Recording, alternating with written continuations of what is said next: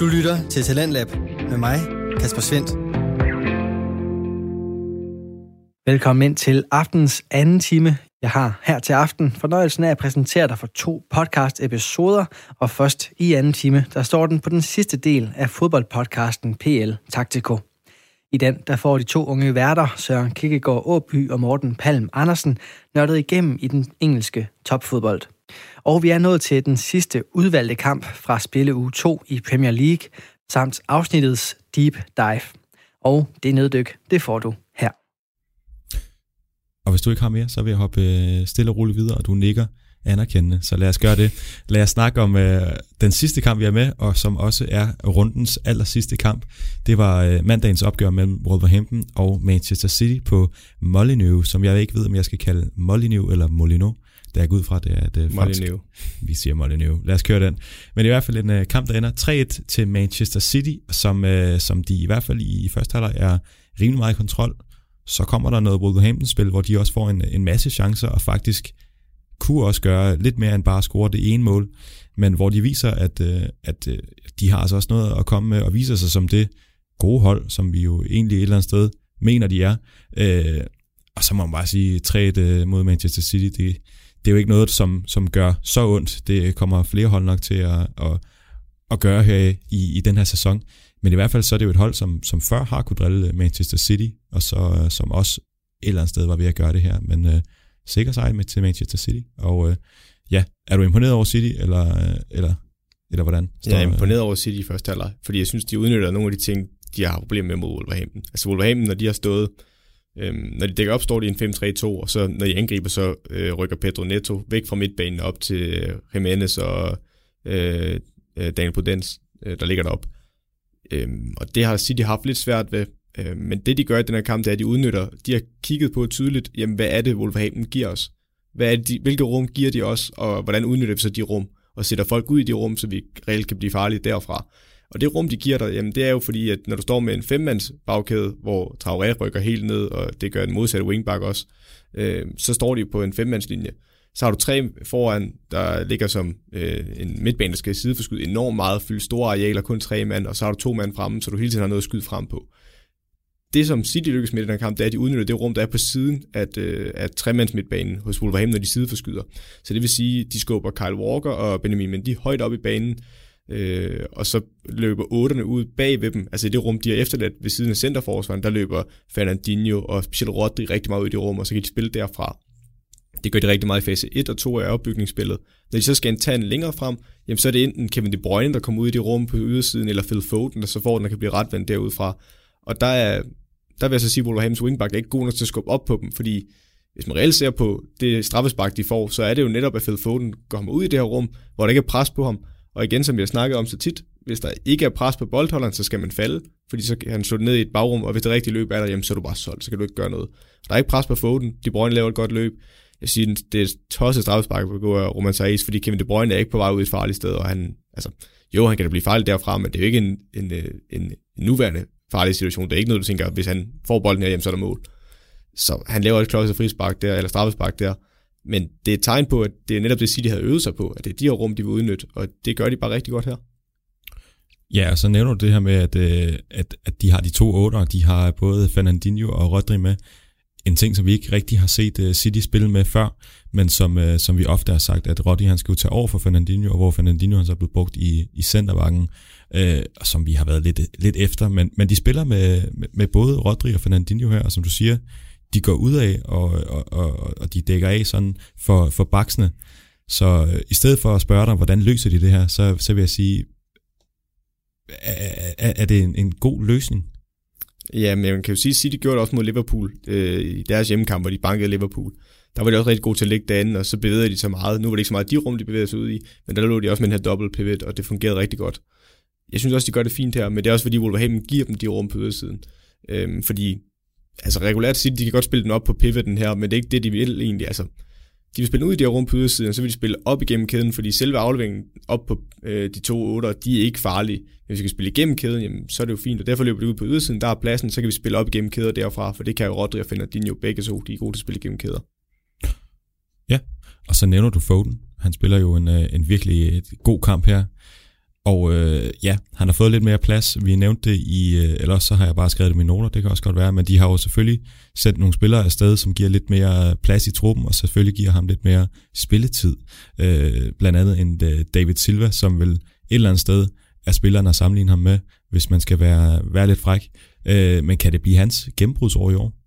Ja, kan det være der, hvor han laver den helt store øh, Det synes jeg absolut. Øh, fordi netop, at Silva er væk, giver ham pladsen til at komme ind. Øh, nu mener jeg også, de mangler også, altså nu ved jeg godt, at Jerry måttet sidder noget, men de mangler en øh, Bernardo Silva i dag også, og så udover at de har mistet David Silva, så har de også mistet en Leroy Sané. Det er jo begge to, to venstrebenede spillere, øh, specielt der, altså Silva kan jo næsten være en til en med Foden, der kan spille 8'eren, 10'eren og kanten, og Sané måske er mere en udpræget kant, men hvor, hvor, hvor alting er, så er det jo stort set Martes, der plejer at sidde på den kant, men Phil Foden er mere den her mellemrumspiller, og nu er det egentlig kun ham og Bernardo Silva, jeg synes, der er en til en minder om hinanden i den side, så det har givet mere plads til Foden. Og jeg synes, han griber chancen. Det synes jeg også, han gjorde sidste år. Og jeg, jeg kan godt forestille mig, at det bliver en stor gennembrudsår. Altså, han har haft gode sæsoner også, men hvor han virkelig træder op og bliver en virkelig spiller for City, det kunne meget vel være i år.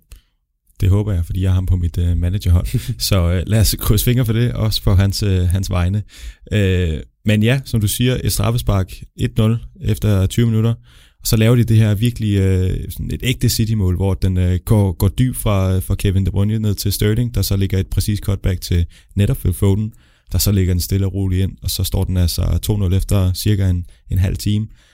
Men som vi så nævner, øh, vi snakker også om det sidste, da vi snakkede om Wolverhampton, der var det to hurtige mål, der, der et eller andet sted afgjorde kampen, og som gjorde, at Wolverhampton ikke kunne stille sig stille og roligt ned, øh, og egentlig bare afvente lidt det er nok ikke det, øh, det er i hvert fald ikke det City er, er kendt for, så det er nok ikke det, de har tænkt sig, men der er jo i anden halvleg, der sker jo noget her, og, øh, og øh, Wolverhampton, de kommer simpelthen mere på bolden og får mange flere chancer. Hvad, hvad, hvad, hvad der skaber det? Er det bare Wolverhampton, der lige pludselig tænker, så er det nu? Nej, men det, de får ikke spillet længere frem, og altså, de, de rammer afleveringerne. Altså, det er den simple måde at sige det på. De begynder at ramme afleveringer og være bedre til at holde fast i bolden. Og når de gør det, så kan de få deres wingback med, fordi hele første halvleg, der får Traoré ikke mulighed for at komme med frem. Og han er jo ikke den bedste defensive wingback. Det er han bestemt ikke. Men hvis han kan komme frem på banen, så kan vi også se, hvad han kan. Altså, der er netop, som vi snakkede om i sidste afsnit, jamen når han bliver retvendt og kan drible op mod nogen, så er han enormt farlig. Og selv i en situation, hvor City har, jeg tror det er lige omkring en time spillet, hvor City har to mand ude på ham i øh, Wolverhamptons højre side, jamen der formår han stadigvæk at lægge et godt cutback-indlæg ind til Jimenez, der rammer den helt skidt. Men de får ikke spillet længere frem, og så har de altså bare nogle dygtige offensive spillere, så når de bliver serviceret, altså når de får bolden op, og de kan få lov til at kombinere mellem hinanden, og wingbacksene kommer med, så er Wolverhampton et rigtig farligt hold. Og City står jo nemlig ikke begravet, og de giver dem plads til at angribe på, når de først får fat i bolden mod Wolverhampton. Og de har jo flere farlige chancer. Vi har jo Daniel Budens, der, vender, der også vender ind i feltet, også fra et indlæg, mener jeg, fra Traoré, hvor han vender på en tallerken derinde og sparker den. Altså, jeg, det er jo overbevist om, at jeg ser situationen den ende, men den ryger lige sidenettet op, øh, op under overlæggeren. Og der er flere, Daniel Budens har også en, hvor han prøver at chippe eller sådan, hvor han ikke får gjort det ordentligt, og så Jimenez afslutningen. Så jeg synes, de, de får bedre fat i kampen, men det er ærgerligt, at det bliver så sent i kampen, Wolverhampton, at det første er i anden halvleg, at de egentlig får fat, fordi City sidder totalt på det i første halvleg. Og nu nævner du netop øh, på den her. Det er jo også ham, der ender med at, at lægge op til, øh, til Wolves' mål efter et, øh, en lille cheeky tunnel på øh, Kevin De Bruyne. Det er ikke øh, hver dag, man får lov til det. Men vi snakker også om ham i den, i den seneste kamp her, og hvad er det egentlig for en tilføjelse, som Wolverhampton de har fået til det hold her? Ja, man kom jo i januar, var, var et meget ubeskrevet blad, i hvert fald for mit medkommende. Ja, han er enormt spændende. Altså, han, han kan drible rigtig godt. Jeg synes, han har nogle øh, intelligente løb. Jeg synes, han også tager nogle gode beslutninger. Nu kan vi godt snakke om chippet, det ikke var det bedste, men den måde, han vender på ind i feltet og afslutter, det er super ærgerligt. Den går op i nettaget, for det er, det er en flot detalje. Og ja, han er bare dygtig, og så ligger han også flot indlæg til Jimenez. Han har fart, han kan drible. Han minder meget om egentlig øh, Shorta, som de har mistet. Jeg synes bare, altså, det jeg har set fra ham i det halve år, han var i Premier League, så den nye sæson, der har han altså en, øh, en spiller, der har potentiale til rigtig meget, også øh, en større klub, måske en Wolverhampton. Og nu laver du selv sammenligningen. De skal vel egentlig ikke være så kede af, at de har mistet Diogo Jota. De har jo på den her. Han er godt nok ikke øh, portugiser, men han er dygtig. Ja, ja, så har de jo stadigvæk en Pedro Neto og Jimenez, og så kan Traoré blive frigjort. Nu vil de have købt uh, Ruben Semedo til at komme længere frem igen. Så de har stadig offensive muligheder. Øhm, de kunne måske godt bruge en til, fordi Traoré er ikke en en-til-en type som Shota men de har stadig mange offensive løsninger, så, så det er et spændende hold. Og de har også en uh, ung Fabio Silva, som vi også kan se. Uh, portugis også. Det bliver også uh, det bliver interessant at se, hvad han kan i Premier League. Og nu taler vi jo ofte om uh, Wolverhampton, og det vil jeg egentlig fortsætte lidt med, for det er virkelig et, et spændende hold, og det er jo noget, der kommer lidt bag på folk. Uh, formentlig ikke i år, men i hvert fald uh, sidste år, at de var så dygtige.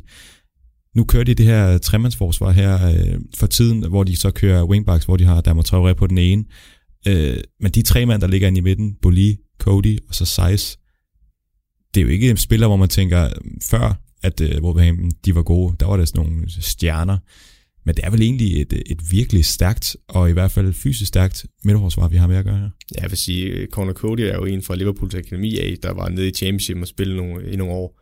Og nu er han jo en engelsk landsholdsspiller. Altså, han har også taget store skridt og er blevet en vigtig mand og kaptajn for Wolverhampton. Og er også vigtig for deres passningsspil. Jeg synes så, især i første halvleg, han har nogle dumme boldtab. Øh, men han er vigtig for dem. Så har du en Roman Saiz, der reelt var en midtbanespiller, defensiv midtbane eller 8, der er blevet omskolet til at skulle ligge hernede, også dygtig på bolden. Og så er der en Bulli, der er altså nok den mest traditionelle centerforsvar, dem der er hernede, og måske ikke ligefrem den bedste på bolden, men til gengæld øh, brøl stærk fysisk. Jeg kunne måske godt, nu, når vi ser på dem i nogle kampe, Wolverhampton, så kunne jeg måske godt forlange lidt mere af de to yderste øh, centerbacks i den her tremandskede, fordi når de skal bryde hold op, der står lavt i blokforsvar, så kræver det rigtig meget af de her, fordi de får plads til at angribe på, og til at spille fremad og drive og slå de rigtige afleveringer. Og der kunne man måske godt savne lidt for en speciel Emboli, og så Roman Saiz er bedre til det Emboli. Øh, men hvis du virkelig skal forbedre holdet, så kunne det måske være to steder, man kunne kigge. Og så lad os øh, slutte af på simpelthen, at øh, jeg vil lige spørge dig. Nu ender den jo med at blive 3-1 på et, øh, et meget sent City-mål, hvor øh, den, ja, med lidt tilfældighed og via nogle våsben, der ender den i, i nettet, og, og så, så bliver det til en, en 3-1 sejr. Der bliver det nødt til at stoppe der. Altså fordi øh, det kan godt være, det er lidt tilfældigt, men Jesus afslutning er bestemt ikke tilfældigt. Han står og venter på, at forholdsspilleren åbner benene. Det kan godt være, den bliver rettet af, men det er det eneste sted, han reelt har mulighed for at sparke, og det er altså også intelligent lavet. Og så ender den øh, 3-1. øh, men, men det havde vel egentlig været lige så fortjent, hvis den var blevet 2-2, for eksempel. Eller øh, har vi to forskellige opfattelser her? Jeg synes, i den periode, hvor Wolverhampton, de skaber, de skaber nok chancer til at komme på 2-2. Det er jeg ikke uenig med dig i jeg vil nu stadigvæk sige, at de har en hel halvleg, hvor de sidder på det hele, og de har også slutningen af kampen, hvor jeg føler, at Wolverhampton, jo, de kommer på 2-1, men jeg synes, det er mest i perioden fra 50. minut til 65. hvor de sidder på det Wolverhampton, så synes jeg egentlig, at City får en periode, hvor de får bedre fat i spillet. Jeg vil nok sige, at City fortjener at vinde den, men ja, det er måske tættere end 3-1, og Wolverhampton havde også chancen for at komme på 2-2. Det vil jeg så gerne give dig. Så lad os, øh, lad os lukke med det. Og så, ja, 3 bliver det. Og de andre resultater i den her runde, dem kan vi lige uh, liste op her. Uh, de kommer kronologisk, og så er der selvfølgelig nogle huller, det er dem, vi har snakket om. Men i hvert fald så Everton, de uh, lægger ud med på hjemmebane og slår West Bromwich 5-2. Leeds hjemme, de slår uh, Fulham 4-3. Arsenal hjemme, de slår uh, West Ham 2-1. Og Southampton hjemme, jamen de taber altså 5-2 til Tottenham i en kamp, hvor at Son laver fire mål, og Harry Kane han laver fire oplæg. Øh, den skal man øh, lige tjekke, hvis ikke man øh, har set det. Øh, og så øh, Leicester, Burnley, jamen, den ender 4-2 til Leicester, og Aston Villa, de slår hjemme Sheffield United 1-0, efter at øh, Sheffield, de bliver 10 mand rimelig tidligt i kampen, øh, hvor at, øh, ja, John Egan han måske er lidt uheldig. Men øh, det er ikke de kampe, vi har valgt i den her runde, så lad os bare sige, at øh, næste runde, jamen der skal Brighton hjemme møde Manchester United, Crystal Palace, de tager imod Everton, West Bromwich, de skal møde Chelsea, Burnley skal møde Southampton, Sheffield United skal møde Leeds, Tottenham de skal møde Newcastle, Manchester City de tager hjem imod Leicester, West Ham de skal møde Wolverhampton, Fulham de skal øh, møde Aston Villa, og så øh, på Anfield der bliver det Liverpool Arsenal, en kamp som øh, Arteta selvfølgelig igen kan trække sig sejrigt ud af. Sidder du og smiler over til mig igen? Ja, de har også meget godt tag på Liverpool de seneste to kampe, må jeg jo sige, men øh, det kunne også være, der var Liverpool, der holdt Liverpool ud og vise, hvor skabet står. Der er i hvert fald en mandag aften, hvor at, uh, jeg enten slukker min telefon, eller skriver en masse beskeder til dig. Men i hvert fald er der nogle af de her kampe, udover selvfølgelig Liverpool og Arsenal, som vi nok ikke kommer helt udenom, men er der nogle af dem her, som, øh, som springer sig i øjnene, spørger dig gang på gang, og der plejer jo gerne at være nogen. Brighton, Manchester United, kan jeg lige smide ind i puljen igen? Ja, Brighton, Manchester United synes jeg også bliver spændende, fordi vi kunne kigge på den her runde og sige, Southampton, øh, Tottenham, men også kunne have snakket om, og var også en, vi overvejede meget, og var lidt ærgerlig over, at vi ikke kan finde plads til. Men der udnytter Tottenham jo netop det bagrum, Southampton giver dem ved at lægge et højt pres, og det løber lige ind i, altså det er vand på Tottenham og Mourinho's mølle med de offensive spillere, de har, og Kane, der går ned i banen og sådan, og øh, der løber dybt på ham. Der kunne man jo godt bekymre sig lidt for Brighton om, at de kommer med fornyet selvtillid, og det er super fedt, de har spillet flot fodbold. Men kunne det være en tand EU, at man går ud og spiller offensiv fodbold mod et Manchester United-hold, der rigtig gerne vil spille på kontra, når de kan komme til det? Det kunne godt blive spændende. Øh, det kan godt komme til at gå rigtig ondt på Brighton, men omvendt, hvis de holder fast i de takter for Newcastle-kamp, så kan United bestemt også få problemer. Men det er en rigtig fed kamp. Og så to hold, som har øh, startet ud med lyn og torden, eller i hvert fald det. Everton har startet ud med at lave en masse mål. Crystal Palace, Everton, to øh, hold, der har startet ud med at få to sejre. Det kan jo ikke blive ved sådan jo. Nej, det kan det jo ikke øh, af gode grunde, men øh, det er også spændende. Altså et Everton-hold, som jeg synes mod West Bromwich, som vi så, det er også en vanvittig kamp at se. De har nogle udfald, hvor West Brom de kommer blandt andet foran, og de kommer også på 2-2, selvom de er 10 mand. Nu ved jeg godt, det er på et øh, rigtig godt frisparksmål. Øh, og så har de også perioder, hvor der Calvin Lewin, der scorer hat og Ramos Rodriguez, der ser rigtig godt ud og scorer et flot mål. De har nogle øh, udfald, og dem skal de begynde at få væk. Og, altså, nu er West Bromwich også umanierligt dårlige. Så at Everton overhovedet har problemer med dem, det var jeg lidt uforstående overfor. Så det bliver spændende at se, hvad Everton de kan mod et Crystal Palace, fordi det er en helt anden fisk, og der får vi virkelig se, jamen kan de bryde et hold op, der står lavt, fordi det kan man se med United, og man kan se det med altså andre, der har mødt Crystal Palace i de tidligere sæsoner. Det er en stor mundfuld. Og lad os se, hvilke kampe vi ender med at skulle, skulle snakke om i næste uge, og lad os se, hvem af os, der kommer og er ked af det, og hvem der er glad. Lad os håbe på en uafgjort, så den øh, gode stemning, den selvfølgelig kan fortsætte. Men øh, nu, der lover jeg at holde min mund, fordi det er ugens deep dive-tid, og øh, du kan lige få en tår vand. Sådan. Tak, og det er live-kommentering på, at jeg drikker vand også. Der kan man godt se, at du er rigtig journalist. Jamen, det er det. Jeg kan simpelthen ikke lade. Ja. Men i Nej. hvert fald så, værsgo. Tak. Ja, men uh, nu skal jeg lige have lidt vand, fordi uh, nu skal jeg sidde og, og ja, snakke løs i uh, de næste par minutter. Uh, og som altid med ugens deep dive, jamen, så har jeg tegnet på det også, så hvis man vil se de tegninger, jeg har lavet på det, så kan man gå ind på vores Facebook-side eller vores Instagram-profil, uh, hvor vi også hedder PL Taktiko. Men ellers kan man sagtens følge med, bare ved at sidde og fortæller det. Uh, jeg skal nok gøre det meget grundigt. Jamen, øh, vi har taget øh, Newcastle og Brighton som øh, vores eksempel på, eller øh, eksempel på deep dive i den her uge, fordi der er nogle rigtig fede detaljer, hvordan øh, Brighton modsat Manchester United lykkes med det her tremandsforsvar, hvordan man i deres opbygningsspil i fase 1 2 og til 3, jamen hvordan de lykkes med at komme forbi øh, Newcastles øh, normal solide 4-4-2. Øhm, og vi kan starte med Newcastle, jamen de stiller op i en 4-4-2, hvor Karl Darlow starter på mål, så har de Javi Mankio på højre bak, Jamal Lascelles i midterforsvaret, Federico Fernandes øh, i centerforsvaret siden af, Jamal Lewis på venstre bak, så har de øh, Jeff Hendrick på højre kant, så har de John Shelby og Isaac Hayden som de to centrale midtbaner, så har de San Maximin, eller San Maximin på venstre kant, og så har de øh, Callum Wilson og Andy Carroll helt fremme. Hvis vi så kigger på Brightons hold, stiller de op i, øh, ja, der står øh, på resultatstoler i hvert fald 3, 4, 1, 2, det er jeg ikke helt enig i. Jeg synes faktisk, de ligger ham i en øh, 3, 4, 2, 1 i stedet. Øh, og nede bagved, der har de Ben White som den højre centerstopper, så har de Louis Dunk i midten, og Adam Webster på, øh, eller Webster på venstre øh, centerforsvar. Så har de Terry Glamty på højre wingback, Yves Bissouma som øh, den øh, højre otter. Så har de Al Al Al Alzate, hedder han. Er det ikke Alzate? Jo. Det er ham, der er kolumbianer, der kan spille alle pladser. Jeg kan ikke så godt lide at udtale navne her på, øh, på åben mikrofon. Nej, men det er Alzate, øh, der ligger som venstre otter. Så har de Solly March på venstre wingback. Og så har de, ja, det er så lidt svært at se, fordi de, der står også, hvordan de stiller op her, men jeg vil mene, at Aaron Connolly ligger som spydspidsen som angriber, og så bagved har han to offensive midtbaner i Neil Mopay og Leandro Trossard. Det er sådan, de stiller op.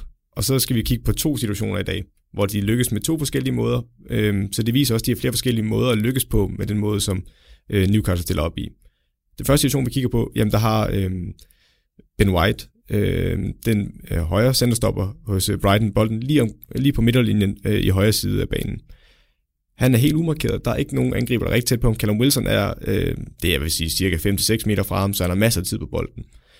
Øh, foran ham, der står der jo så Newcastles øh, fire, øh, firmands midtbane, hvor øh, sådan øh, Maximin står til venstre, og så har han Isaac Hayden på sin inderside, og John Shelby, og de ligger lige omkring, altså hvis vi kigger på højden i banen, så ligger de omkring øh, buen på midterlinjen på deres egen banehalvdel.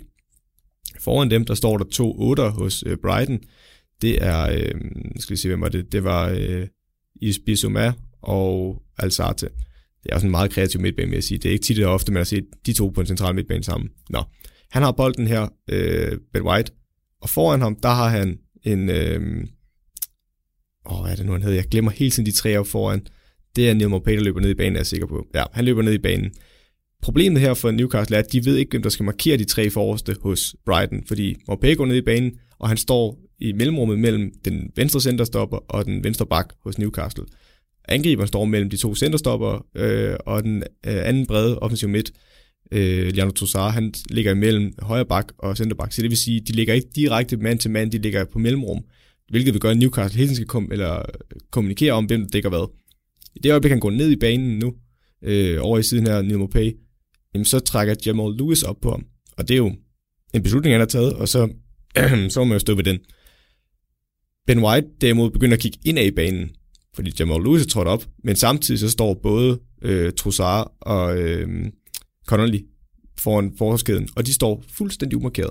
Så han ligger bare en aflæng op igennem banen, fordi han har haft tiden. Der er ingen, der har presset ham, så der masser af tid. Og Ben White, han er dygtig til det her med at spille op igennem kæder, så han spiller op i foden på øh, Leandro Trossard, og derfra der kan de begynde at kombinere. Så det vil sige, med en aflevering op igennem banen, fordi der ikke er pres på Ben White, så kan de vende på øh, Newcastle forsvar. De spiller hele vejen igennem midtbanen, så nu er det tre mand mod fire, plus der kommer wingbacks udenom, så hvis de ikke er hurtigt til at løbe hjem midtbanen, jamen så lige pludselig så står de ind i en overtalssituation Brighton, altså midt på modstanders banehalvdel. Der vil jeg jo så sige, der er nok en centerforhold, der skal træde op her, men fordi at de angriber mellemrum og ikke står på mand-mand, så gør det også bare, at Newcastle bliver angst for det bagrum, der er nede bagved, og så kan de spille direkte op igennem kæden. Og det er et eksempel på, at de udnytter det rum, der er mellem Newcastles midtbanekæde og forsvarskæde, hvor der er for store mellemrum, øh, og der ikke er pres på boldholdene, og så bliver det meget let for Brighton at spille igennem. Den anden øh, situation, jeg har taget med, det er, hvor øh, igen, at det er Ben White, der har bolden, men denne gang er han kommet lidt over midterlinjen og driver bolden. Denne gang er Newcastle lærte lidt lektion og tænkte, okay, vi falder længere tilbage, for nu vil vi ikke have det plads ind i mellemrummet mellem vores forsvarskæde og midtbanekæde, der må de ikke få bolden. Så nu er de trukket helt ned, øh, og der er ikke meget plads imellem de to kæder. Callum Wilson er faktisk faldet helt ned og dækker nu på øh, den ene 8 hos Brighton, lige omkring øh, buen på Newcastles banehalvdel, og begynder at gå lidt i pres over mod Ben White. Men Ben White har stadig masser af tid på bolden. Nu opstår en samme situation lidt igen. Øh, Nimo P. vil ned i banen og have bolden, og går ned i banen. Og denne gang der er Jamal Lewis, der igen følger lidt med. Men her opstår der et nyt problem, for nu er San, Maxi, San Maximang, han er gået ned i banen og helt ned på linje med sit forsvar for at følge wingbacken men hvem skal dække wingbacken? Fordi den situation, der opstår nu, er, Ben White er ikke under pres. Han driver det stadig fremad. Jamal Lewis er gået langt ind i banen for at dække øh, den offensive øh, brede midt fra øh, Neil Mopay. Og så står San Maximang lidt på indersiden, eller lidt på ydersiden af ham. Men Terry Lamptey spurter bare afsted nu, og der er for meget mellemrum mellem San Maximang og mellem Jamal Lewis, så øh, Ben White får plads til at lægge en bold op igennem kæden mellem de to, og så får Terry Lamptey egentlig lov til at komme helt ned øh, på ydersiden af feltet og kan lægge flat indlæg ind over. Den situation, der opstår her, er manglende kommunikation og manglende forståelse for, hvem der har hvilke markeringer her. Fordi hvis jeg var Newcastle-træner, så ville jeg sige, okay, San Maximang, hvor er den farligste situation henne? Er den på ydersiden af eller på indersiden? Og hvor skal vi have dig placeret i forhold til det? Som udgangspunkt vil jeg altid mene, den farlige situation er på indersiden. Og i stedet for, San Maximang skal trækkes ud af position og løbe helt ned på linje med sit forsvar, så vil han blive op på midtbanelinjen, og så går ind og lukker den aflevering, der er indad i banen. Så det vil sige, at han skal gå ind og lukke for Neil Mopé i den her situation det vil frigøre Jamal Lewis til, at han ikke skal blive på indersiden, og i stedet for bare gå i duel på ydersiden på Terry Lamptey, og bare gå derud. Og så skal centerbakken, fordi i den her situation, der er både Federico Fernandes og Jamal Lascelles også alt for langt over i modsat side. Dem vil jeg til at trække over i venstre side, altså Newcastle venstre side og Brightons højre side. Gå længere ind under, så de kan tage bagrummet, så den der bold, der bliver slået til Terry til her, jamen den skal blive opsnappet af en centerforsvar, så han ikke bare kan få lov til at slå på indersiden af vores organisation. Og så den wingback, der ligger over i modsat side for Brighton, den må vi simpelthen sige, ham lader vi stå. Hvis der så kommer en diagonalbold, kan vi altid nå derover. Men ham bliver vi nødt til at lade stå, for at vi kan lukke organisationen her, specielt når der ikke er pres på boldholderen. Og problemet for Newcastle er også, at de to otter, de dækker regulært ikke noget. Jo, i den her situation, der prøvede de at lukke de to otter for Brighton, men tidligere i kampen, der har de heller ikke vidst, hvad de skulle gøre. Og det, som vi snakkede om, Crystal Palace lykkes med i deres kamp, det er, MacArthur og McCarthy, de formår at afhjælpe deres forsvar. Så det vil sige, de ligger ikke bare og dækker mand mand og dækker de to otter, der er foran den. Nej, nej, de er med til at lukke for de løb, der kommer op fra angreb, ved at gå ned i banen og have bolden. Der lukker de afleveringsvinkler. Det gør John Duchelvi og Isaac Hayden overhovedet ikke nok i den her kamp. Og derfor er det rigtig godt set af Graham Potter. Han har set, okay, vi kan lykkes med at være inde i det her rum i midten. Det er den første situation, øh, vi snakkede om. Hvis de lukker det rum for os, jamen, så er der bare plads på ydersiden. Og Newcastle justerer lidt i anden halvleg, sætter en ekstra sekser ind, øh, eller rykker Isaac Hayden ned og rykker, rykker Jeff Henrik ind i banen. Men der finder de jo så igen andre løsninger, som vi snakker om med Trossard, der går ned i banen sammen med øh, Nidmo Pay, var på ydersiden af hver sekseren, så de kan modtage bolden der. Så igen, det viser bare, en, det er det samme system, de spiller, men der er mange forskellige løsninger til at åbne det her Newcastle blokforsvar op, som der heller ikke står specielt skarpt i den her kamp. Men det synes jeg bare er rigtig flot, og det er Graham Potter fodbold, når det er allerbedst. Og så må vi håbe, at uh, Jose Mourinho han uh, lytter med for en gang skyld hos uh, PL Taktiko. Han plejer jo ikke rigtig at ville. Altså der er nogle af de andre, de, de lytter sgu med hver uge, men Jose, han, han, han overgår det ikke. Han har lidt sin egen vej. Det er det. Men i hvert fald så, så er hans egen skyld, hvis han ikke kan gøre det. Fordi der var i hvert fald to fremragende muligheder for at åbne det her forsvar op, og det er jo ham, der skal i krig med det i næste uge. Så uh, endnu en gang, tak. Selv tak. Fra uh, alle, uh, i hvert fald Jose Mourinho, hvis han uh, lytter med. Radio 4 taler med Danmark. Det var enden på aftens episode fra PL Taktiko med Søren Kikkegaard Åby og Morten Palm Andersen. Og dem kan du finde mere fra på diverse podcast-platforme, og som de selv fik sagt, så kan du også finde dem på de sociale medier. Og hvis du som mig elsker engelsk fodbold, så har du nok ikke haft svært ved at relatere til de to værter og det, de taler om. Men hvis du måske ikke går så meget op i fodbold, eller nødvendigvis ikke fanger alt, hvad Søren og Morten de talte om, så husk på, at du kan finde andre podcasts om næsten alt. Og endda, så kan du også lave din egen niche-podcast omkring lige præcis det, du brænder for. Det er magien ved podcast, og den magi vil vi meget gerne opholde her i programmet. Og det gør vi ved at stille disse timer til rådighed for danske fritidspodcasts, både dem, der er nørder, dem, der underholder, og dem, som gør noget helt tredje.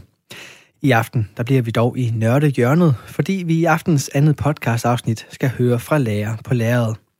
I den podcast, der er det Kasper Tim Thornberg og Anders Schunk, som vender blikket mod skærmens verden og analyserer, diskuterer og hygger med fremstillingen af undervisere i både film og tv-serier. Episoden, jeg kan præsentere for dig her til aften, handler om en af de film, der både kan ramme dig som barn og som voksen. Det er også en film, der præsenterer et musikalsk univers, som alle i det mindste bør prøve at kaste sig ud i, og så er det en film, som giver en lidt anden vinkel på skolelivet. Hvornår så du den første gang? Jeg så den første gang øh, en dag, mens jeg kiggede på Filmhøjskolen i Æbeltoft. Og så var jeg inde i Aarhus for en dag, alene. Og så tænkte jeg, øh, jeg har en, øh, nogle timer fri. Jeg vil gå i biografen øh, to gange, lige efter hinanden. Og så gik jeg ind, og så så jeg The Passion of the Christ. Den der Jesus-film, Mel Gibson har lavet som var øh, en fuldstændig vanvittig oplevelse. Og så tænker jeg, det, det, det, det perfekte modgift efter det er, det er at gå ind og se School of Rock. Så jeg så de to film lige efter hinanden. Og siden da, så tror jeg, jeg har set den her film 20 gange eller noget stil. Har du? Ja. Oh, godt. Jeg har set den mange gange. Ja. Den er simpelthen så, altså, den, den, den er så nem at gense, altså, den, det, fordi den bare er så underholdende. Altså, jeg synes, han er virkelig sej. det gør også. Al- altså, er han ikke bare virkelig, virkelig sej? Men på den useje måde, ikke? Han er også sådan lidt en, altså man siger, fat, washed up loser. Den er også, ikke? Men jeg tror bare, lige snart der er noget med rockmusik, så Ja. kan folk være, som de vil. Jamen, det er jeg enig i. Eller hvad? Ja, men det, om det, det er egentlig lidt rigtigt. Det er vel også lidt det, der er pointen i filmen på en eller anden måde, ikke? Og må jeg så få at vide, hvem der er ophavsmanden til disse perversiteter? Oh, Captain, my Captain. This project is called Rock Band. Lad os snuppe nogle instrumenter. This is your new class mascot. I wasn't born yesterday. Kan du få et huske, du spurgte mig, hvorfor jeg blev lærer? Anyone? Anyone? I can't learn anything from you. I can't read in some fucking book. En ting er at fange elevernes interesse, når man står og underviser. En anden ting er, om man egentlig selv bliver fanget af fagets indhold. For det er der virkelig ikke alt, der er lige interessant at undervise i. Og tænk, hvis man bare kunne nøjes med at undervise i det, der virkelig interesserede en selv. Noget, man var god til. Sådan en slags mesterlærer. Velkommen til episode 6 af podcasten Lærer på lærredet. En podcast om fiktionens lære på film og tv. Jeg hedder Anders. Og jeg hedder Kasper. Og vi har sat os for at se en masse film og serier, hvor i der medvirker lærere. For så at tage en snak om det, vi har set, med fokus på didaktik og pædagogik. Altså med fokus på lærernes arbejde. Vi er nået til den sidste episode i den her første sæson af podcasten, og Kasper, det er måske en af mine yndlingskomedier, vi har set til i dag, og det skyldes nærmest udelukkende den lærer, som vi skal beskæftige os med, Dewey Finn, eller Mr. Sneeply. Virkelig en irriterende type, men også mega elsværdig. Eller hvad tænker du om øh, dagens lærer? Actually, it's Schneeblay, som man siger. jeg er meget enig. Det er en yndlingskomedie, jeg synes simpelthen, altså, at gense den, at gense den, det synes jeg er en frød. Jeg synes, øh, Jack Black er så hysterisk morsom i den her film, øh, så det næsten ikke er til at holde ud. Altså, kunne man forestille sig den her film med en anden skuespiller i hovedrollen? Jeg sad og tænkte på præcis det samme, da jeg sad og så den, og konklusionen er bare nej. Det er, den må være skrevet til ham, simpelthen. Mm.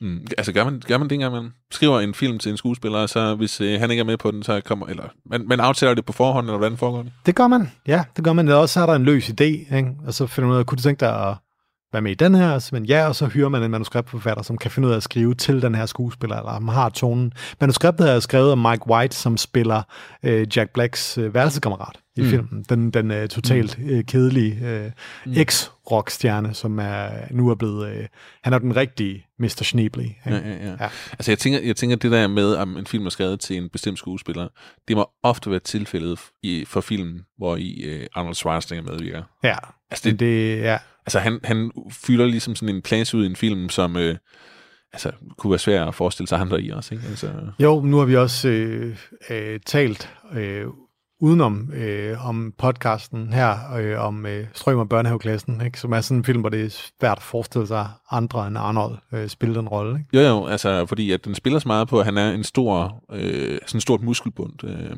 Ja, ja, og, og, og, og øh, aksangen og det der med, at det hele er sådan lidt komisk på en eller anden måde, ikke? Ja, og, og det er jo på samme måde spiller øh, den her film jo også på, at Jack Black er en øh, sådan lidt øh, fedladen, kiksen, kikset type, ja. som øh, så til gengæld bare øh, kan fyre den for vildt af, lige snart han har en øh, rockgitar i hænderne. Ja, man tænker på det, at det første gang, jeg blev opmærksom på Jack Black i hvert fald, og jeg tror, det, det, er, det er sådan, det er for mange, det var High Fidelity, øh, film med John Cusack, hvor jeg kan huske, der er det, at filmen er bygget op omkring det, at han er så, faktisk en ret dygtig sanger. Ikke? Mm.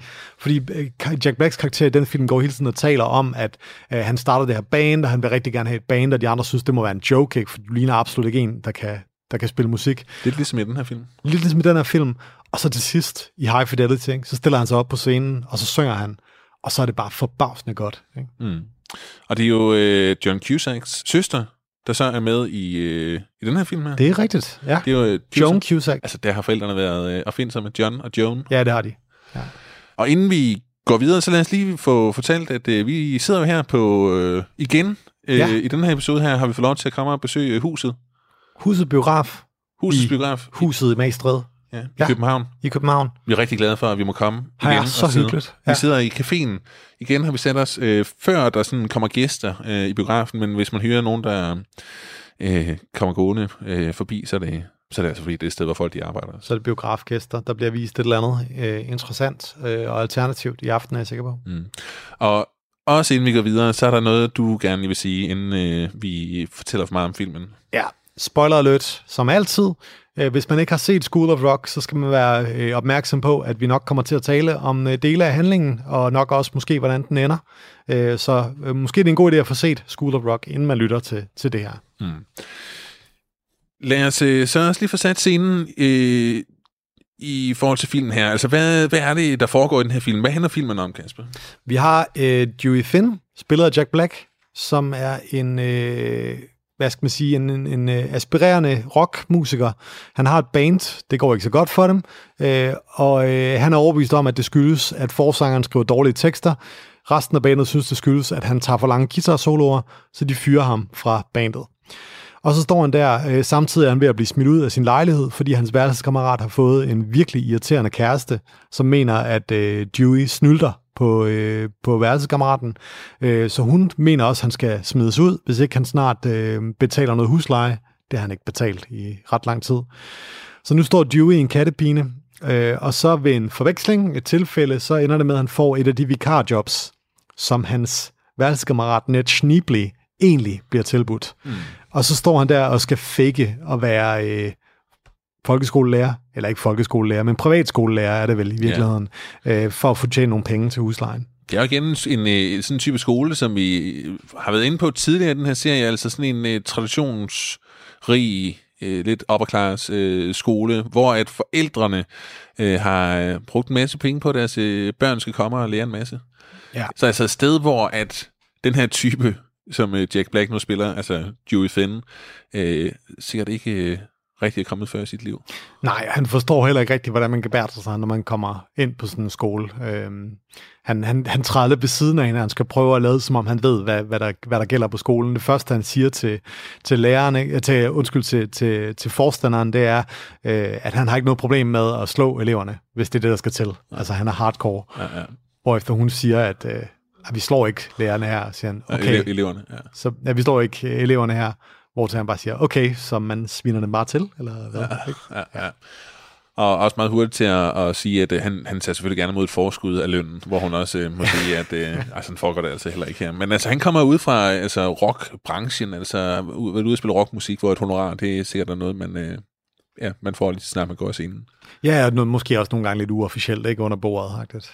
Så, øhm, og så, øh, altså, så skal han jo ind, øh, altså, så han er en faker, han er ikke lærer, og han skal ind og undervise en, øh, sådan en, en, en mellemtrinsklasse. Det der med at skjule, at han ikke er lærer, det er jo i hvert fald ikke noget, han gør, gør noget særligt ud af, da, da han kommer ind i den her klasse. Altså, han sætter sig jo ned og siger, puh, her, gør hvad I vil, jeg har tømmermænd.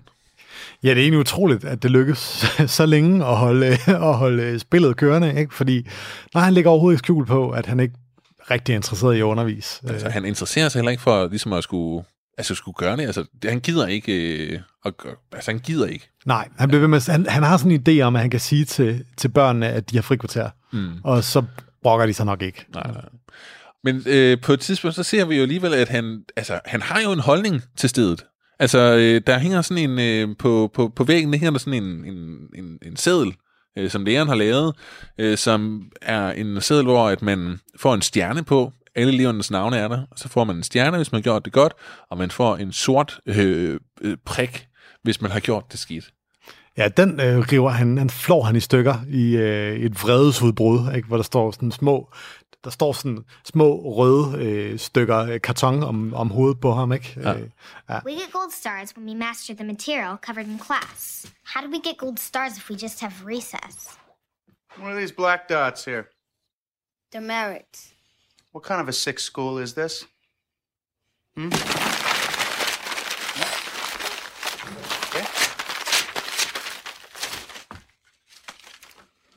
As long as I'm here, there will be no grades or gold stars or demerits. We're going to have recess all the time. Og det, det er der sådan en... Øh, det, altså, det, det, man får da sådan lige set en holdning til skolesystemet hos ham der. Det er jo ikke bare fordi, at han spiller rockmusik. Det er da fordi, at han godt kan se, at det der med at give nogen sorte prikker, det har han sikkert selv oplevet. Ja, jo, men det, er jo, men det der er jo faktisk ret, ret sjovt, ikke? fordi han, han erkender der, at han er meget imod karaktersystem, eller den der måde at sådan, hvad skal man sige, tydeliggøre, øh, hvor gode nogen er fagligt. Men da han så finder ud af senere hen, at han kan bruge det til sin fordel, og til at få folk til at få de her børn til at øh, øve sig på at spille rockmusik, så er det pludselig okay igen. Ikke? Mm. Så genindfører han faktisk systemet senere hen. Ja. Ikke? Og det er, øh, det er jo det, der kommer til at ske. Altså, han, han, han prøver ligesom på at fake sig igennem øh, dagen her, og det går også okay. Øh, men han hører så på et tidspunkt, øh, at øh, de spiller de, de har en musikteam, hvor han står uden for døren og kigger ind, og ser, at øh, nogle af de unge faktisk godt kan finde ud af at spille, øh, spille klaver. Øh, en elev, der hedder Zack, han... Øh, spille klaver? Spille musik.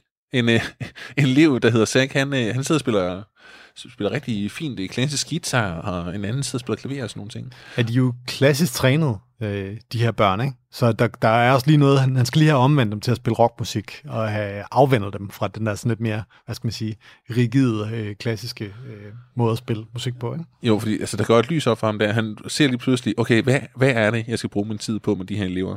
Så han farer ud i sin, øh, sin øh, band-van og henter øh, en masse instrumenter. Han har instrumenter til et helt rockband i sin, øh, i sin varebil. Og, den, øh, og, og så får han sat op ind i klassen. Og så øh, starter han simpelthen et klasseprojekt. Der er et ret fint, øh, en ret fin scene, hvor han får blandt andet øh, øh, den der klassisk trænede pianist til at spille noget The Doors, øh, og han får gitarristen til at spille noget Iron Man blandt andet, og øh, lidt forskelligt, øh, øh, ja, klassisk rock. Men man skal huske at sige, at han gør jo ikke bare det her for at give eleverne en fed oplevelse. Han har jo en bagtanke, som hedder at vinde en, øh, en musikkonkurrence. Ikke? At vinde sådan et, et, et uh, Battle of the Bands, hedder det, ikke? Øh, så det er jo faktisk lidt for egen vinding. Han, han ser de der børn som en middel til at, at vinde en konkurrence og blive en berømt rockmusiker selv. Ikke? Mm, ja, men altså samtidig, så, han, han bliver jo motiveret på en anden måde. Han siger, nu har de et klasseprojekt, der hedder Rock Band. Ja. Altså, og det handler jo om, at man skal lære at spille rockband, og det er alt fra teori om genre, altså hvad er forskellen på punk og på øh, grunge og så videre, ikke? Ja. Og altså, altså det, han laver sådan et sådan et helt schema op på, på tavlen, hvor han, altså hvor pensum lige pludselig bliver, bliver rockmusik, og som lektier, der deler han CD'er ud, hvor de her forskellige elever, de skal hjem og høre øh, lidt Zeppelin, og en, en pige, der hedder Tamika, der, der er korsanger. Hun skal hjem og lytte til øh, vokalarbejdet på øh, Dark Side of the Moon i The Great Gig øh, in the Sky osv. Ja. Han, han bliver virkelig, virkelig, virkelig tændt, og man kan sige, måske er øh, det også for at selv få noget ud af det, men altså, han, han bliver virkelig på en anden måde øh, motiveret ved at øh, lave det her pensum lave det her pensum om. Altså, der er gitarristen øh, Zach, som han lærer nogle forskellige øh, riffs på gitaren, som han på et tidspunkt siger til, altså, øh, hvorfor står du på den der måde, når du spiller? Og Zach, han siger, jamen, jeg spiller det bare, som du har vist mig. Og hvor han så får sagt, jamen, rockmusik handler ikke om at gøre det rigtigt, det handler om, det handler om indlevelse. Og hvis vi lige skal have gang i det faste element i den her podcast-serie, som helt ubevidst, og, og øh, vi bare har opdaget, at det er en ting, vi gør, så skal vi lige nævne Mr. Keating her, ikke? Det her med, at det er lidenskaben, der skal frem, der kommer frem i eleverne, som Mr. Keating også spiller meget på i de døde på idrætsklubben. Ja, og den personlige indlevelse også, det der med at vise, hvor, hvor det er stoffet øh, øh, ligesom klikker med individet, med den, der skal lære. Ikke? For der er også sådan, han bruger, der er en ret fin scene også, hvor han skal lære, øh, øh, han skal lære børn at skrive en rocksang. Og siger han, hvad er det, der gør dig vred? Ikke? Og så skriver han en rocksang, der handler om ikke at få lommepenge, eller, eller om at skulle øh, lave øh, pligter derhjemme i huset og sådan nogle ting. Altså de der børn, der bare sådan, de der ting, der er sådan helt nære for børnenes, øh, øh, hvad skal man sige, oplevelsesverden. Ikke? Det, det er meget fint. Du lytter til Radio 4. Og du lytter altså til programmet til den Lab, hvor jeg i aften kan præsentere dig for to afsnit fra Danske Fritidspodcast. Her der er det som aftens andet podcast episode, at du kan høre et afsnit fra Lærer på Læret med Kasper Tim Thornberg og Anders Schunk, som taler om filmen School of Rock og dets fremstilling af undervisere. Det er et afsnit, du kan høre det sidste fra her. Ja, altså, han får så lavet sådan et, øh, et band, og, og det virker virkelig harmonisk i undervisningen efter det. Alle får en eller anden rolle, øh, som passer til dem. Altså, der er en rigtig fin differentiering i sådan en musikting, ikke? Altså, den er øh, sådan lidt øh, bølleagtige rod inde i klassen. Øh, han, han bliver selvfølgelig trommeslager, ikke? Øh, hvor han kan sidde, og så den mere sådan nørdede elev, han, øh, han kommer til at spille klaver, ikke? Altså, som er sådan ja, det ved jeg ikke, det er måske mere sådan... Du tror, du er ude i nogle fordomme omkring musikere og, øh, og de, og de ja. instrumenter, de spiller. Der er i hvert fald en, en god differentiering, som giver mening for de her elever. Han får dem givet nogle roller, som, øh, som passer godt til dem. Ja, og sørge for, at, øh, at, at hver rolle ligesom bidrager med noget, og, og, og deres bidrag bliver taget alvorligt, ikke? Hele illusionen begynder så på et tidspunkt at altså, blive, kom, kom lidt i fare. Ja, og, og det, er også, det er også her, hvor Dewey Finn, vi er nødt til at være lidt kritiske over for ham. Han gør, han gør altså også nogle ting i den her film, som ikke sådan er helt okay. Øh, og det er især hvad, med, hvad angår Miss Mullins. Ikke? Fordi Miss Mullins er jo den her totalt forstokket, øh, meget, meget konservativ, forsigtig type, der øh, er i konstant undertrykkelse af sine egne impulser og sine egne følelser. Ikke? Hun tør næsten ikke gøre noget. Hendes kropsprog er sådan helt firkantet og kajtet. Ikke? Og, hun er under pres, altså. Hun altså, er under pres, ja. ja. Og hun siger selv, at det er, for, det er forældrene. Ja, ja. Det siger hun selv. Ikke? Altså hun kan næsten ikke administrere det. Øh, forældrene er simpelthen, de higer så meget efter perfektion, at hun nærmest ikke kan navigere i det. Hun kan mm. nærmest ikke gøre noget som helst. Ikke? Så på en eller anden måde er hun sådan en handlingslammet type. Men da Dewey Finn dukker op, ikke, hun siger det selv, der er et eller andet ved ham, der får hende til at slappe af. Mm. Der, og det kan vi jo godt se, hvad det er. Det er ret tydeligt at se udefra. Ikke? Hun påstår selv, hun har været sjov engang. Ikke? Mm. Men så har det der skolesystem ligesom ødelagt hende på en eller anden måde, suget alt liv ud af hende. Og det, som Dewey gør, det er jo faktisk, at han manipulerer lidt med hende. Han lurer det der med, at hun godt kan lide hans selskab, og så får hun, han ligesom fedtet sig ind hos hende, tager hende med ud og drikke øl en dag, ikke? Mm. Øh, og får ved samme øh, lejlighed øh, fedtet en øh, udflugt ind, ikke? som i virkeligheden er, at øh, ja, han vil gerne have dem ud og se en koncert. Ikke? Mm. Ja. Øh, ja. Kan lure, hvad, hvad, hvor, hvilke knapper han skal trykke på, og, øh, og bruger hende faktisk til at få til at få gennemtruppet sin egen agenda om det her rockband. Ikke? Altså, han lyver jo også mm. for eleverne. Ikke? Jo. Han bilder dem ind, at det er et uh, skoleprojekt ja. som øh, kan ende med, at de får en, øh, meget, meget fin, øh, en eller anden form af meget, meget fin mærke på deres permanent record, som det hedder. Ikke? Der er sådan en, sådan en karakterblad-agtigt dokument, ikke? Øh, og han mener, han siger det til dem, ovenkøbet, at det, det er nærmest bare en, øh, det, er nærmest, det betyder bare, at øh, dørene til Harvard, de bare åbner sig. Ikke? Øh, så altså, han er jo ikke, man kan sige, det, det som filmen egentlig gør, det er utroligt, man tilgiver filmen det her, men han bliver jo ikke rigtig straffet for de her løgne og det her bedrag, han laver faktisk. Jamen, Virkelig, så bliver han faktisk belønnet til sidst. Ja, altså karakteren, det er jo på en eller anden måde igen, sådan, altså det bliver jo lidt en kritik af den her type skole igen. Ja. Altså hvor det bliver sagt, det er fandme også skolens egen skyld. Ja. Og hvor er det godt, han kommer ind og lige skaber lidt uh, liv og glade dage, fordi ja. uh, det, det kan skolen ikke opnå på andre måder end sådan en type der. Det er jo sådan en afgørende point i den her film, at, at skolen egentlig ikke er skurken men det er mest af forældrene, sådan set, der er skurken. Altså, vi møder, vi ser ikke nogen andre undervisere undervise vi ser dem i kantinen, ikke, hvor de sidder og snakker ved bordet, men der er ingen af dem, der virker usympatiske eller, eller virker inkompetente på nogen som helst måde, faktisk. Af lærerne, de virker sådan set meget sympatiske og interesserede ja. i ham og sådan noget, ikke? Og, ja, også over for ham, ikke? Altså, jo, jo, altså, han formår at få dem til at grine. Han laver sådan en joke, sådan en, vi har tidligere talt om idrætslærer. Ja, det er den tilbagevendende, altså. those who can't do, teach, and ja. those that can't teach, teach Jim. Ja, ja. Det er jo ikke, det er ikke School of Rocks opfindelse, den joke. Det er sådan en gammel, øh, i amerikansk kontekst, øh, lærer-joke, ikke? Jo, og den får også sådan et, sådan et, øh, sådan rigtig et, ha, ha, ha, ja, ja. Øh, grin af de andre lærere. Ikke? Altså, ja, ja, ja. Så altså, det er jo en... Øh, han, han bliver ligesom bare fremstillet som en, der sådan formår at, at passe ind øh, i den her lærergruppe også, altså, og er vældigt. Ja, ja. Men altså, vi har kaldt øh, episoden her for mesterlærer, og det er jo fordi, at det, øh, det er jo det, der kommer til at ske, altså, at når man har en person, som øh, er virkelig dygtig til et eller andet, eller virkelig brænder for et område, så, øh, så kan man måske opnå en anden type undervisning, end ved øh, den her mere sådan klassiske skoleundervisning, hvor man som lærer skal gå ind og varetage mange dele af et fag, altså, og måske også mange fag, hvor alt ikke lige er det, der ligger en nærmest. Altså, hvad, altså mesterlærer som, som begreb, hvad, hvad tænker du om det? Er, det? er det noget, vi dyrker for lidt i, i, i skolekontekst? Vi er også ude i, altså der, der er jo mange fag, hvor det er svært rigtigt at, at gøre det. Altså, hvordan gør du det i dansk undervisning, for eksempel? Mm. Altså, mesterlærer, ikke? Det, det, det er også, fordi han vælger noget, som er, som er meget praktisk, og som er kreativt, ikke? Og der er det måske lidt nemmere at gøre det, ikke? Altså, ligesom det der med at sætte et eksempel, mm. eller tage eleverne med i en eller anden proces. Det er jo noget med at øh. tænke, altså, skal man have en forfatter ind og undervise i det, ja, at skrive ja. og sådan nogle ting, ikke? Eller, altså, men, altså... Ja, men det, det kan man selvfølgelig godt gøre. Altså, øh, jeg kan godt, altså, det, jeg tror, det er ret nemt at se pointen i det. Jeg tror, det er sådan, at det vil være for folk, der ikke har den store... Øh, folk, der ikke har så meget erfaring med at undervise, vil måske også, så er det sådan noget, folk vil sige, det, det er en skide god idé. Ikke? Mm. Altså, det, det, det giver rigtig god mening, og det er også nemt at se fordelene ved at mm. undervise på den måde. Jeg forstår også godt, hvorfor det ikke rigtig er muligt, rent logistisk og praktisk, altså at det ligesom bare er stilen. Øh, sådan kan man jo ikke gøre. Altså, der, der er jo ikke Altså, der er jo ikke forfattere nok, kan man sige, til at kunne undervise dansk i, i al undervisning, eller i alle øh, skoler på, i landet. Altså, jeg ved ikke. Jo, altså mesterlærer giver der mening øh, i et eller andet omfang, at man ligesom leder ved at, øh, eller underviser ved at sætte et eksempel. Mm.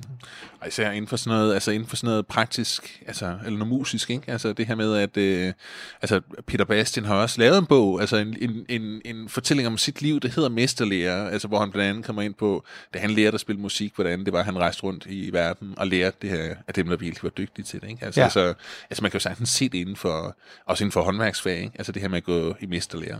Altså. Jo, men, men man kan også sige, hvis vi lige griber lidt tilbage tidligere i sæsonen her, ikke? så er det på en måde som om filmen er lidt i dialog, fordi vi har også snakket tidligere på sæsonen om øh, Half Nelson, som på en eller anden måde også fortæller os, at det er ikke nødvendigt altid, at at være forbilledet, eller at være øh, at efterleve det, man prøver at lære sine elever at gøre. Øh, fordi man skal også have lidt tillid til, at, at børnene eller de unge selv kan navigere i, i, øh, i de indflydelser, de får fra de voksne.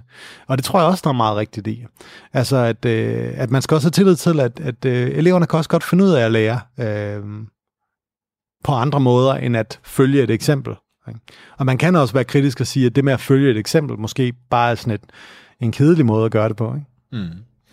De, de sidder til sidst eleverne, efter at uh, han ligesom blev afsløret, hvor alle forældrene ligesom er mødt op, og han er blevet afsløret i, at han er en, en han ikke er den, han udgiver sig en for. svindler, ja. ja. Så sidder eleverne jo og taler om, hvorvidt det har været spildet tid. Altså, og deres reaktion på det, det er jo, at de, altså, de, de, de, tager, de tager ind til ham. De flygter fra skolen, eleverne, kan man sige. Øh, og så øh, tager de øh, ind til øh, hans lejlighed, få rusket ham op af hans, øh, hans tømmermands søvn.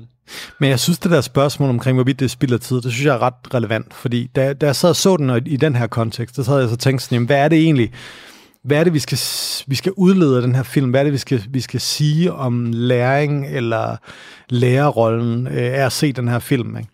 Og øh, jeg tror, noget af det, man kan udlede af det, det, det ligger faktisk i, du nævnte før karakteren Tomika, Øhm, den her sådan lidt stille øh, pige som, og kraftige pige, ikke, som vi også finder ud af, døjer lidt med nogle ting omkring sit kropsbillede og sådan nogle ting. Ikke? Øhm, og, og i den der scene, hvor de snakker om, at det var det et spild af tid eller ej, der er det hende, der bryder ind og siger, at det var ikke et spild af tid. Ikke? Øhm, han lærte os noget og sådan noget. Ikke?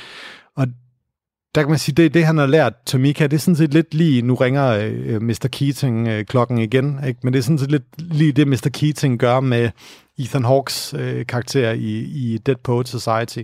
Øhm, det med, han, han, han får eleverne ud af deres boble, ikke? og får dem til at præstere. Ikke? Det gør han sådan set med mange af karaktererne i den her film. Han gør det også med Zack, øh, gitarristen, ikke? som du sagde før. Han er sådan en stiv og kajtet, da han står der først, og får ham til at løsne op, får ham til at komme med noget kreativt selv også. Så, jeg sige.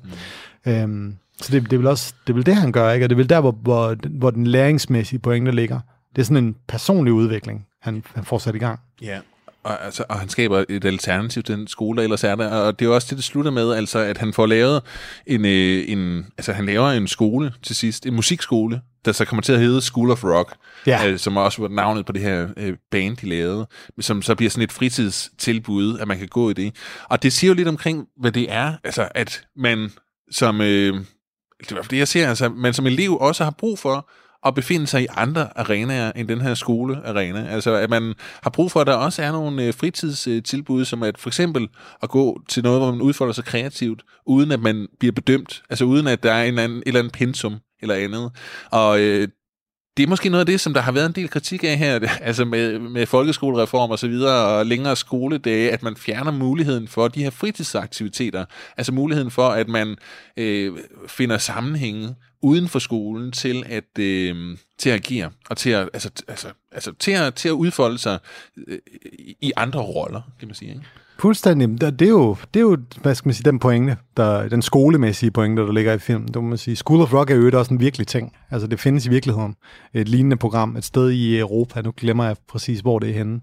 Men der er lavet en dokumentarfilm, så vi skal, vi skal se den på et senere tidspunkt i, i podcasten her, øh, om den virkelige School of Rock. Mm. Øhm, Øh, og det er åbenbart noget af ham, der har startet den virkelige School of Rock. Han er meget sur på, på filmen her, for jeg mener, at de har stjålet øh, ideen, øh, Nå, uden at kreditere ham. Nå, sure. Ja. Okay. Altså en, en, anden, en anden sjov lille ting, det er jo, at, øh, at øh, Andrew Lloyd Webber, han købte købt jo rettighederne til, øh, til øh, at lave en musical i 2013, og som så havde premiere i 2015. Og det, der er sådan lidt sjovt ved det, det er, at Sommer, den her sådan lidt øh, perfektionistiske elev, som, som Jack Black eller Gio Finn er sådan lidt irriteret på i starten, hun, øh, hun vil jo gerne være sanger i det her band, og siger jo, at øh, jamen, jeg kan godt synge. Og så, Nå, men så syng, siger han til, så siger han til hende. Og så synger hun sådan en øh, virkelig, virkelig falsk udgave af, af Memory, som er øh, fra Cats-musicalen Lloyd Webber, øh, hvor altså hvor, hvor Dewey Finn, Jack Black, han virkelig rynker på næsen, altså både fordi det er falsk, men også fordi det er Andrew Lloyd Webber. Ikke? men ja. altså nogle år efter, efter så har den altså eksisteret som, uh, som musical ja. af Andrew ja. Lloyd Webber. Der, der er vist også lavet en tv-serie, tror jeg det, faktisk baseret på den, faktisk var løgn. Så øh, ja, den, øh, den er virkelig vagt den genklang. I, øh. Ja, og altså, det var en film, som vi også startede med at sige, som vi begge to har set Altså virkelig mange gange. Altså, det, vi, vi talte om øh, helt tilbage i afsnit 1, at, øh, at øh, jeg kan huske fra min tid på lærerseminariet, at vi så, øh, at vi så De Døde på Klub. Altså, så, altså som nærmest så sådan en, vi skulle, vi skulle, altså der skulle vi seriøst snakke om didaktik og undervisning ud fra den. Jeg synes også godt, man kunne tage sig School of Rock på lærerseminariet. Det synes jeg da også. Ja, absolut. Det er også, som du siger, som et alternativ til, øh, til mange af måske de mere sådan, traditionelle øh, billeder af skolen, som vi ser i rigtig mange film. Ja, så, altså, så, så, så, lad, lad det være en opfordring. Godt, altså det var sidste afsnit i denne omgang. Det var øh, øh, vores, øh, vores øh, podcast her. Øh, men øh, vi har bestemt planer om at vende tilbage, øh, for vi har en ret lang liste af film øh, med lærere, som vi gerne vil se, og som vi gerne vil, vil snakke om. Så øh, hvis du har været glad for, for øh, den første sæson af podcasten her, så øh, kan du godt se frem til endnu en sæson, som kommer, når vi har haft tid til at se de film. Øh, Lærer på lærredet er på Facebook, og det er vi, fordi at øh, vi gerne vil kunne dele tekst og filmklip og billeder med dig, der lytter, og der vil du også kunne skrive til os, for eksempel gode idéer til film og serier, som øh, vi øh, eventuelt kan se i anden sæson. Tak, fordi du lyttede. Og må jeg så få at vide, hvem der er ophavsmanden til disse perversiteter? Oh, Captain, my captain. This project is called Rock Band. Du lytter til Radio 4. Og det var altså afslutningen på aftens udgave af Talent Lab. En aften, der i den grad bød på nørderi, der kom bredt omkring. I aften, der kunne jeg nemlig præsentere dig for to podcast-afsnit, og de var først fra PL Taktiko, en podcast fra Stål Radio, hvor Søren Kierkegaard Åby og Morten Palm Andersen, de nørder topfodbold fra England, og derefter der blev blikket vendt mod skærmen og underviserne fra den i podcasten Lærer på Læret med Kasper Tim Thornberg og Anders Schunk. Mit navn det er Kasper Svendt, og jeg håber, du har lyst til at nørde med en anden gang. Nu der er det blevet tid til nattevagten her på kanalen. God fornøjelse og på genlyt.